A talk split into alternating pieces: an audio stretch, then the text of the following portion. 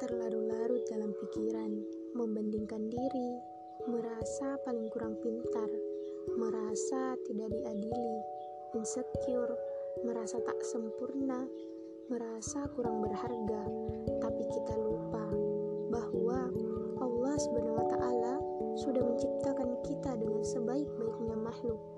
Bersyukurlah sampai saat ini Allah Subhanahu taala masih memberikan kita kesehatan Coba kita lihat mereka yang harus melawan penyakitnya dan tetap semangat untuk sembuh.